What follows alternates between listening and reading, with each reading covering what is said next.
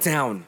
Living life, not thinking of the consequences, no, not tonight. I just did a keg stand, my boy dropped me. Fell face first on the floor, it was sloppy.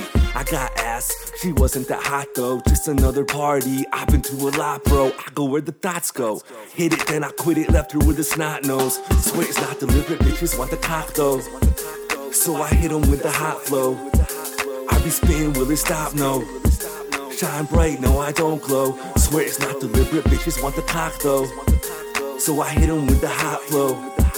I be spitting, will it stop? No. Shine bright, no, I don't glow. I don't glow. Got her riding on my skateboard doing stunts. She hit me up once to say it's not enough. I need more, dawn. Can you please roll through to do what you do? But I live in this booth, regardless of who fucks with it. Can't rush this shit, so shut your lips or expose the risk these bitches getting in your business. They show no forgiveness. I know that they're vicious.